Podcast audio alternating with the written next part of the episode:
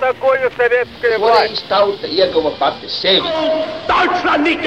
Liktenīgas nejaušības un slēptas likumsakarības, subjektīvas patiesības un objektīvi aizspriedumi. Pēc atkušņa nekad nenāk uzreiz pavasars, bet sākās Arī šodien cilvēki ir ļoti tuvredzīgi. Viņi redz to naudu, kas ir. Televīzijā jau pamatā notiek cīņa par varu. Pagātne no šodienas skatu punkta un šodienas caur pagātnes prizmu. Raidījumā šīs dienas acīm. Latvijas radio eterā Eduards Liniņš. Labdien, cienījamie klausītāji! 16. decembrī saņēmām skumju ziņu, ka mūžībā devies dzinieks un publicists Viktors Avotiņš. Savulaik viņš līdz ar selekcionāru un sabiedrisko darbinieku Jāni Rukšānu un geogrāfu un politiķu Valdi Steinu bija mans sarunbiedrs divos raidījumos, kas tappa Latvijas Tautas frontes dibināšanas 25. gada dienas sakarā. Šodien, pieminot Viktoru Avotiņu, piedāvāju jūsu uzmanībai fragmentus no šiem raidījumiem. Latvijas Tautas fronte kā ir lasāms populāros avotos, tā tapusi pēc trīs cilvēku iniciatīvas grupas ierosinājuma. Tiek minēti Valdis Steins, Viktors Avotiņš un Jānis Rukšāns. Lasot to, ka trīs cilvēki inicijē šo procesu, droši vien sevišķi tiem, kas paši to laiku nav piedzīvojuši, nav īpašas skaidrības, kā tad īsti tas notika. Savā runā Tautas fronts dibināšanas kongresā Rukšāna kungs saka, ka Viktors Avotiņš bija pirmais, kurš izteica šos vārdus. Mums nav citas izējas, mums jādibina tautas fronte. Viktor, jums ir atmiņā šāda epizode?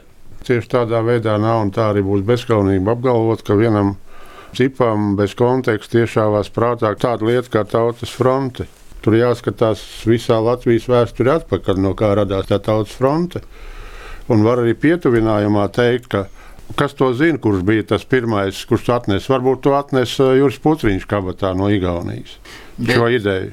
Bet, Viktor, tiešām tu biji pirmais radošā saimnieka plēnumā, tu no tribīnas jau pateici. Tad uh, pagaidi. Tur bija Jā, savādāk. Pirms tam tu pats biji klāt un valsts bija klāt. Mēs manā dzīvoklī atcerējām šitādu papīru, kurš bija domāts radošo savienību plēnumam un kura pēdējais teikums bija Rakstnieku savienība uzņēma šīs tautas Demokrātiskās frontes iniciatoru lomu. Tā kā tautas frontes vārdu pirmoreiz pateica Jānis Baltvilks, Ulris Bēziņš, Sarmīta Eilerte, Guntars Godiņš, Rolands Kalniņš, Rudīta Kalpiņa, Aleksandrs Kirsteins, Dzintra Krievāne, Andrejs Linkevičs, Aleksandrs Maļcevs, Inese Paklone, Jānis Rukšāns, Artūrs Snips, Valdis Steins, Egils Zirnis un Viktors Savotiņš. Tad tā būtu pareizāk runāt. Bet no tribīnas tas skaļi skanēja. No es biju deleģēts to nu, pateikt. Nevar neviens privatizēt to toreiz tajā brīdī fronte, jo tas kūsāja visā sabiedrībā un eh, visā grimstošajā kuģī toreiz padomju savienībā. Un, uh, daudzās galvās, saka, dzimta tā ideja, un arī citās zemēs, kad ir kaut kas jādara un ir jāpārtrauc tā režīma agonija, un kaut kas ir mums visiem jādara. Un, kad es biju uzrakstījis geogrāfijas fakultātē pirmo aicinājumu, tad es savāku fiziskās geogrāfijas katedrā. Tas bija 5. maijā, dabūju atbalstu. Bet tad uh, mēs nolēmām, ka nu, būs šis radošais, ko tagad Viktors teica, tas plēnums, savienība kopīgais. Un Jānis ir uz turieni, es aiznesu uz turieni šo mūsu aicinājumu. Un, uh, man parādīja, ka saka, durvis nevienu viņu tur neinteresē. Un es nācu ārā no Rakstnieku savienības un uz kāpnēm satiku Gunteru Godiņu. Un Gunters saka, tu zini, ko nāca pie mums, pie Viktora Avotiņa un Jāņa Rukšāņa. Ceturtdien mēs būsim kopā un uh, taisam augšā šo sakritības, varbūt likteņa tādā ziņā. Tā mēs trīs sanācām kopā un es esmu pateicīgs liktenim. Es domāju, ka mēs daudz ko izdarījām. Jā, man liekas, tā ir diezgan tam brīdim tipiska situācija. Kādā fizikālā telpā, kur uh, daļiņas sāk kustēties daudz ātrāk, iestājoties attiecīgiem apstākļiem. Un es domāju, ka tādu dzīvokļu bija desmitiem. Vienkārši mēs bijām tuvāk publicitātes iespējām nekā tie pārējie. Es jau tur iesaistījos, tas bija diezgan amizanti, jo brālis bija paņemts Krievijas armijā, Boros. Tas asmēs, viņš atveda no Igaunijas, Igaunijas plēnumu materiālus, radošo saimnieku plēnumu. Un es iedams pa brīvības ielu satieku Baltvilku Jāni Un es jums saku, klausies, Jānis, vai mums arī nevajadzētu Latvijā tādu plēnumu taisīt? Viņi saka, mēs jau gatavojamies tādam. Nāciet pie Viktora Avotiņa šodien, mums ir pirmā sanākšana, un tā es tur iekļāvos tajā darbā. Čaka dzīvoklī. Komunālais dzīvoklis toreiz bija tur. Pirms manis bija dzīvojuši vēl vairāki rakstnieki, un vēl bija dzīva Čaka radiniece Emīlija Brieškalna. Man bija divas istabas, un viņai bija divas istabas. Tā tad čaka dzīvoklī. Čaka dzīvoklī, jā. Tas arī ir skaists. Laba aura. Tā var teikt, tiešām. Tā. Šodien, skatoties atpakaļ, un skolniekiem, kuri lasa mācību grāmatas un gatavojas eksāmeniem, šķiet, cilvēki dibināja tautas fronti, lai atjaunotu Latvijas valstiskumu. Tajā brīdī, kāda bija koncepcija, teiksim tā. Valdis šajā ziņā gudrākais. Faktiski, ko mēs sākām darīt, un katreiz visas šādas te frontes kustības, ar ko iesākās, tas ir ar programmu. Un tā ir darba programma, un mēs strādājam pie programmas. Un tajā brīdī programmā bija paredzēts, kā mēs varam paplašināt, toreiz bija mums tas slavenais paplašināt suverenitāti, kā mēs varam iegūt lielāku neatkarību tajā monstrā, kurā mēs iekšā atradāmies. Un uz to bija virzīti visi programmas punkti, kas tālākās gados jau tika izvērsti un paplašināti. Un 89. gadā jau programmā tika ierakstīta uz Latvijas valsts neatkarības prasība. Neatkarība pirmo reizi tas jautājums pacēlās jau pirmajā kongresā faktiski. Man toreiz bija nolemts, ka man vārdu nedos, jo es skaitījos pārāk radikāls elements. Un tā kā valdes vadīja pirmo plenāru sēdi, tad viņš beigās iedeva man šo vārdu un bija tā sarunāts, ka viņš to tomēr izdarīs. Un tad es savā runā pateicu to, ka gala mērķis mums tomēr ir Latvijas valstiskās neatkarības atgūšana. Tur jau pa ceļam bija pietiekoši daudz spekulāciju, un laipošanas un visādu citādu gājienu, gan arī iespējams, ka režīma spiediens vai arī mūsu pašu nespēja orientēties konkrētā situācijas kontekstā. Bet tad, tam, kad radošo savienību plēnums mūsu tautas fronts ideju nebūtu tā sacīt ar lieliem aplausiem neuztvēra un palika samērā vienaldzīgs. Tad mēs sacerējām aicinājumu sabiedrībai. To parakstīja 18 cilvēki, ļoti dažādi. Gan komunisti, gan Vidiņš no Helsinkiem, gan Turins no Vidas aizsardzības kluba, gan Vladimirs Bogdanovs, strādnieks, gan Aleksandrs Maļcevs, filozofs, Modris Plāts un Juris Rubenis. Un tur pirmais punkts ir Latvijas suverenitātes un valstiskuma attīstība un īstenošana. Tas arī tāds ne pilnīga pirkstu acī teikums. Bet priekš tiem laikiem pietiekami skaidrs, viņi var attīstīt līdz pilnīgai neatkarībai. Šis aicinājums ar šiem 18 parakstiem dienas gaismu neieraudzīja, jo daži cilvēki izrādījās publiski nerādāmi, tostarp Modris Plāte, Valdis Turins, Juris Vidiņš, Un tā kā modri nevarēja likt parakstu, arī Juris Rubens atsauca savu parakstu. Es arī solidarizējoties ar viņiem aizvācu savu parakstu. Es gribētu teikt, ka toreiz tā bija tāda maksimālā prasība, ko tajā situācijā varēja izvirzīt. Pirms šī aicinājuma, kad mēs gatavojamies Rakstnieku savienības paplašinātam plēnumam, tad, kad mēs parakstījāmies zem tā pirmā mūsu aicinājuma, Mums jau, kā saka, lika saprast, bija toreiz tāds ģenerālprokurors Zenītis, un ka 12 no tiem parakstītājiem esot kaut kādā maisā jau iekšā. Un mēs patiešām dzīvojām tādā situācijā, kad katrs jau ģimenē bija paskaidrojis, saka, kur katru naktas laikā var ierasties un mūs savākt. Tāda bija situācija, un tagad šobrīd liekas, kas tur toreiz bija. Toreiz draudēja ar izreikināšanos. Tā bija dienas kārtība, ja teiksim, viens vārds par daudz Jā, nu to zinot, ka var jebkuru brīdi arestēt. Man bija mājās glabājās pirms kara Latvijas sarkanbalsts sarkanais karoks. Es to aizvedu pie sievas draugiem uz Bolderāju un tur noslēpu. Jo, ja mājā būtu kratīšana, tad tas būtu vēl viens nozieguma punkts glabāt šādu karogu mājās. Kurš pēc nu, gada kļuva par valsts, valsts karogu? karogu Mēs pārunājam šīs iespējas. Dažreiz mums likās, ka zem logiem sētā stāv ne tāda mašīna kaut kāda, bet es neteikšu, ka mēs bijām tur pārlieku sabijušies. Es nekad neesmu bijis disidents, es esmu bijis komjaunietis, bet man daudz kas riebās. Manā uzturē es pietiekami redzīgs biju priekš tā laika, lai nebūtu apmācis. Es darīju kopš 19 gadu vecums visas lietas apzināti. Man nav saprotama šī izlikšanās par nezinīšiem. Mana ģimene dalījās divās daļās. Viena sēdēja Sibīrijā, citi bija partijā. Māmu izmeta Berklā laikā no partijas. Māmas māsa bija Sibīrijā tikko atgriezusies, kad mamma met laukā. Tā tā ģimene gāja.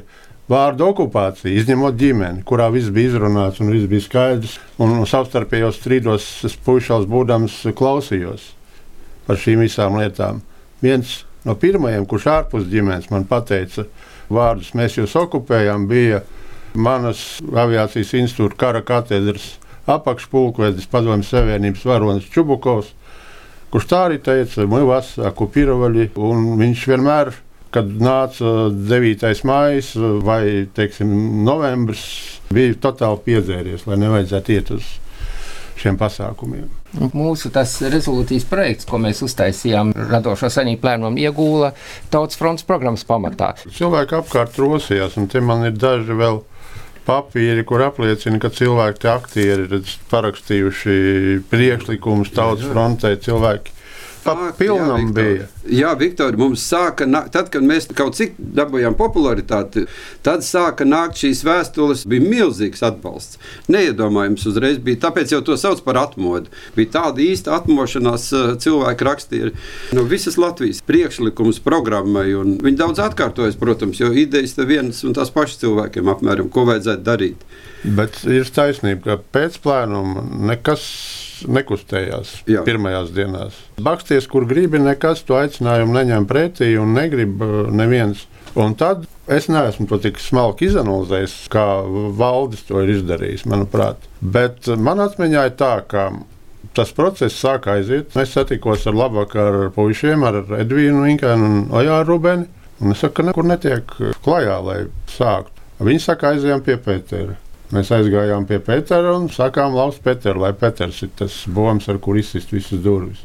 Un pēc tam, kad mēs bijām aprunājušies, un Pēters bija ar mieru atšķirībā no plēnuma situācijas, sākt sist tās durvis, tad situācija izkustējās. Un, ja nemaldos, es, eh, jūnija beigās tas aicinājums tādā veidā, kādā viņš tika. Jā, tika es atceros to, ka um, arī tagad parāda dokumenti, kad vēl laikam tas ir jūnija vidus. Vagris laikam bija tas, jau, kurš raksta uz Maskavu, ka te draud kaut kāda tautas fronte, kas ir nesankcionēta un kaut kāda pretvalstiska organizācija, ko vēsturnieki arī tagad ir atraduši dokumentos, arhīvos šādas paziņojumus. Daudzās eh, pat mūsu, kā saka, nacionālistu aprindās izskan domas, ka redziet, to tautas fronti dibināja Valsts drošības komiteja, tautas fronti dibināja centrālā komiteja. Piedodiet, lūdzu, šeit sēž visi trīs dibinātāji, un nekāda ceka un čeka viņi nedibināja. 25 gadi nav tik ilgs laiks, lai padarītu tautas fronti par kaut kādu neapšaubāmu mītu un interpretētu vai stāstītu par viņu šī neapšaubāmā mīta ietveros. No otras puses, 25 gadi ir pietiekams laiks, lai redzētu situāciju kā no augšas un kontekstā un novērtētu pēc būtības visas tās kļūdas un neiedzības, ko saturēja Tautas fronte.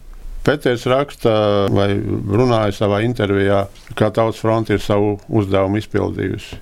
Neapšaubāmi režīma nomaiņa ir panākta. Neviens jau Tautas frontē to nenoliedz. Tāpat Tautas fronte manā uzturē apliecināja, ka, ja ir kaut kas pa īstam patiess, vai ir pietiekama ideja, tad tauta spēja mobilizēties un piecelties stāvus un pastāvēt un, un gatavu pat kaut kādu daļu sevis atdot uz barikādēm vai kaut kur citur. Es redzēju tos lauku večus, kuri pilnīgi nopietni uztvēra situāciju un bija daudz mazāk bailīgi nekā viens otrs toreizējās varas mājās. Tāpēc eh, līdzās tai tautas frontes slavai ir bez žēlastības jāanalizē tā situācija, kas un kāpēc toreiz gadījās. Tas pamat nolūks vai tendence, vai perestroikas tendence, vai iekšējā tendence bolševismu transformēt neoliberālismā. Tas tā varbūt tad netiktu formulēts, bet tendence pastāvēja un viņi iezīmējās tautas frontes gaitā no kongresa un uz kongresa ar vienu acīm redzamāk tas ir jāvērtē bez žēlastības. Mēs arī vēl neesam nekādi veterāni. Vēl esam dzīvot spējīgi samērā un spējam kustēties gan garīgi, gan fiziski. Pilnīgi piekrītu. Tāpēc arī es, te, es rakstīju par to, kā saka, pārdomas un kādas ir secinājumi pēc šiem 25 gadiem. Toreiz mēs tā nedomājām. Toreiz mēs visu sevi devām pasākumam, šim tautas frontes eh, organizēšanai, tad pašai dibināšanai, tad jau darbā viņā visu devām. Mēs nedomājām toreiz par tādām lietām, vienkārši kā labāk, ko mēs varam izdarīt, un gājām uz priekšu, uz priekšu savās prasībās, līdz, kā saka, nonācām līdz neatkarīgai valstī.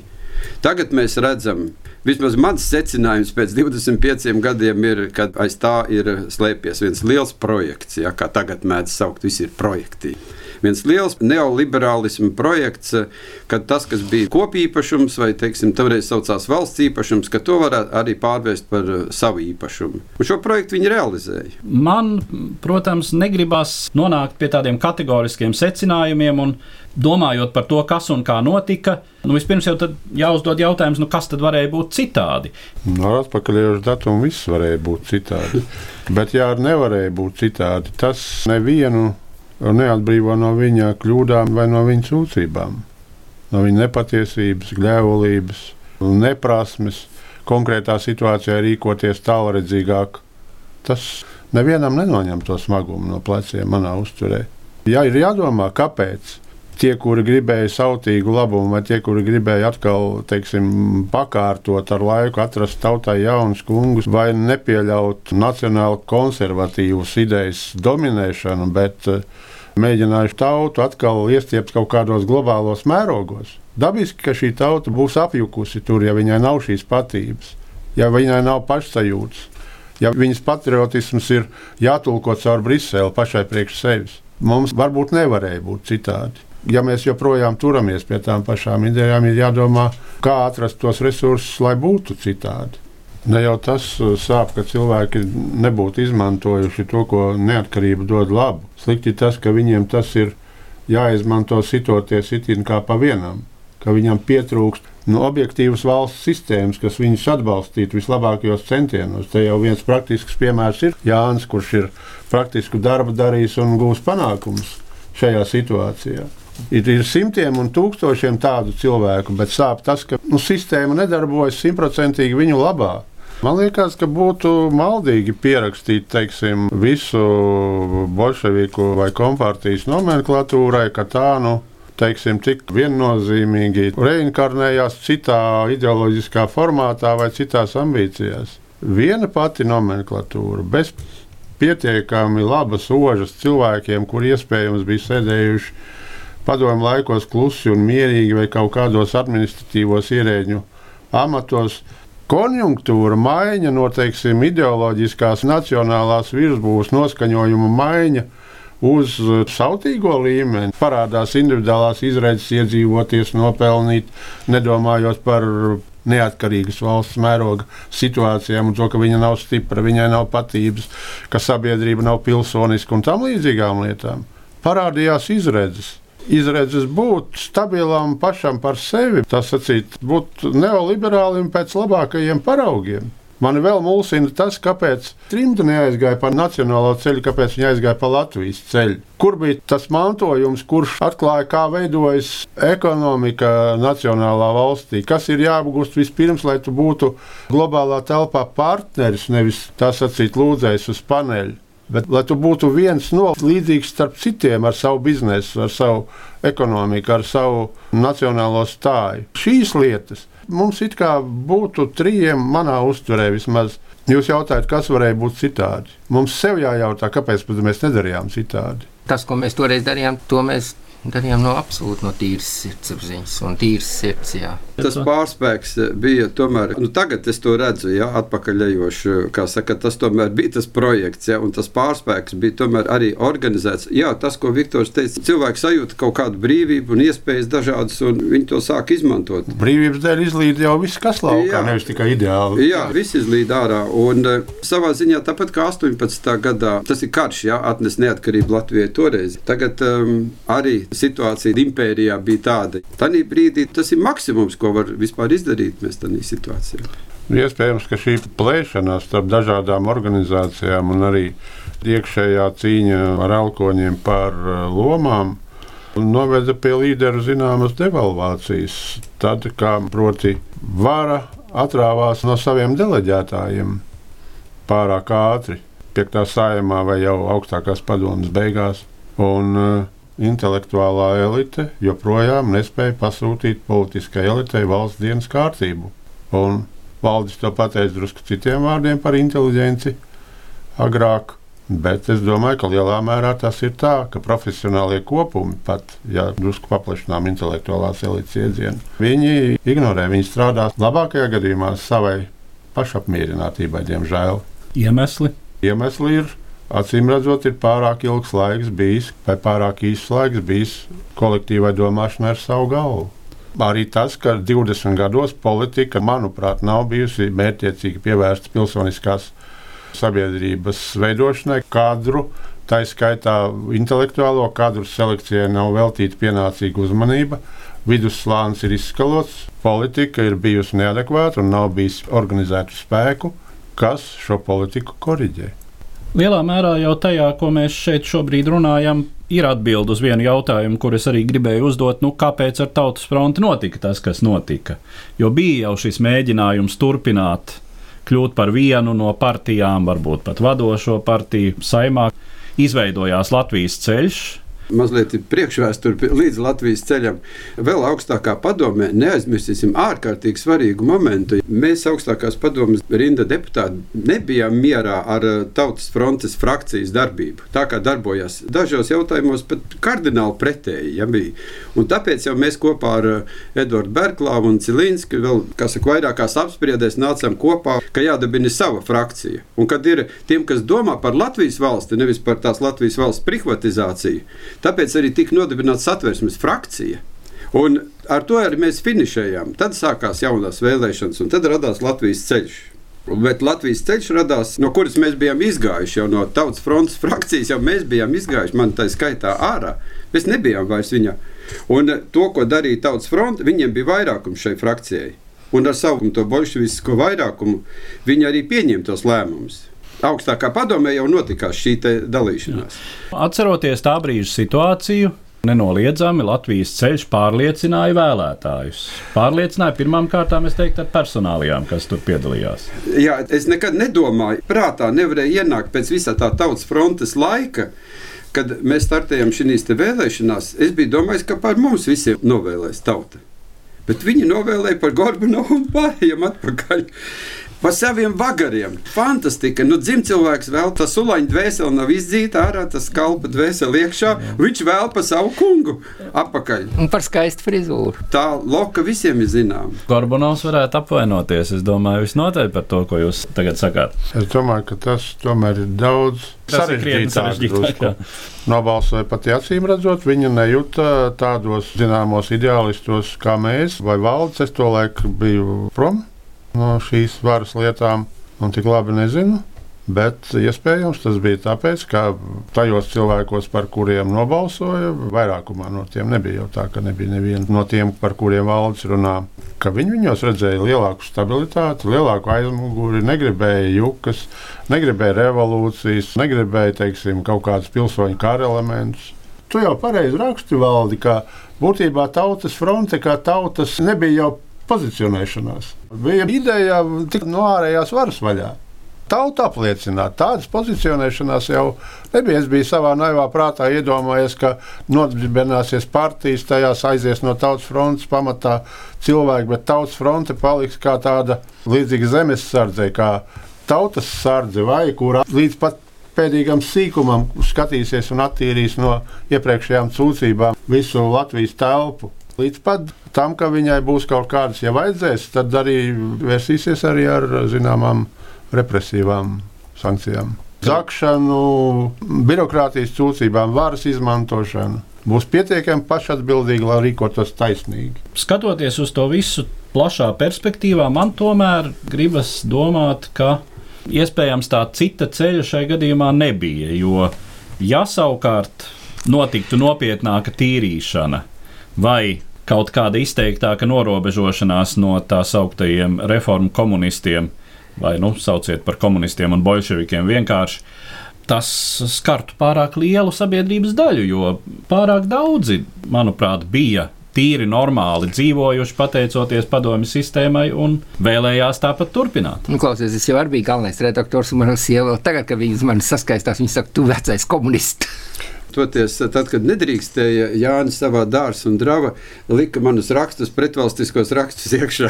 Tur mūsu saprašanai bija jālieto kaut kāda diplomāti un jāstrādā maksimāli iespējamā robežās.